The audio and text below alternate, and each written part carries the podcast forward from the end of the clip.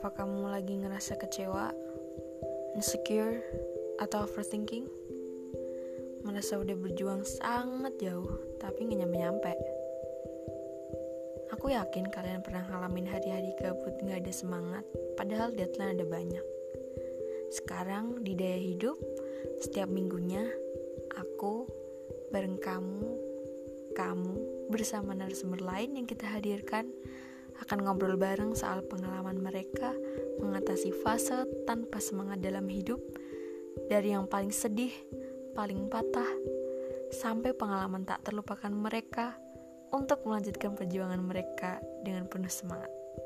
Daya hidup akan membawa diri kita untuk kenal lebih dalam siapa diri kita dan menemukan kebahagiaan di dalamnya.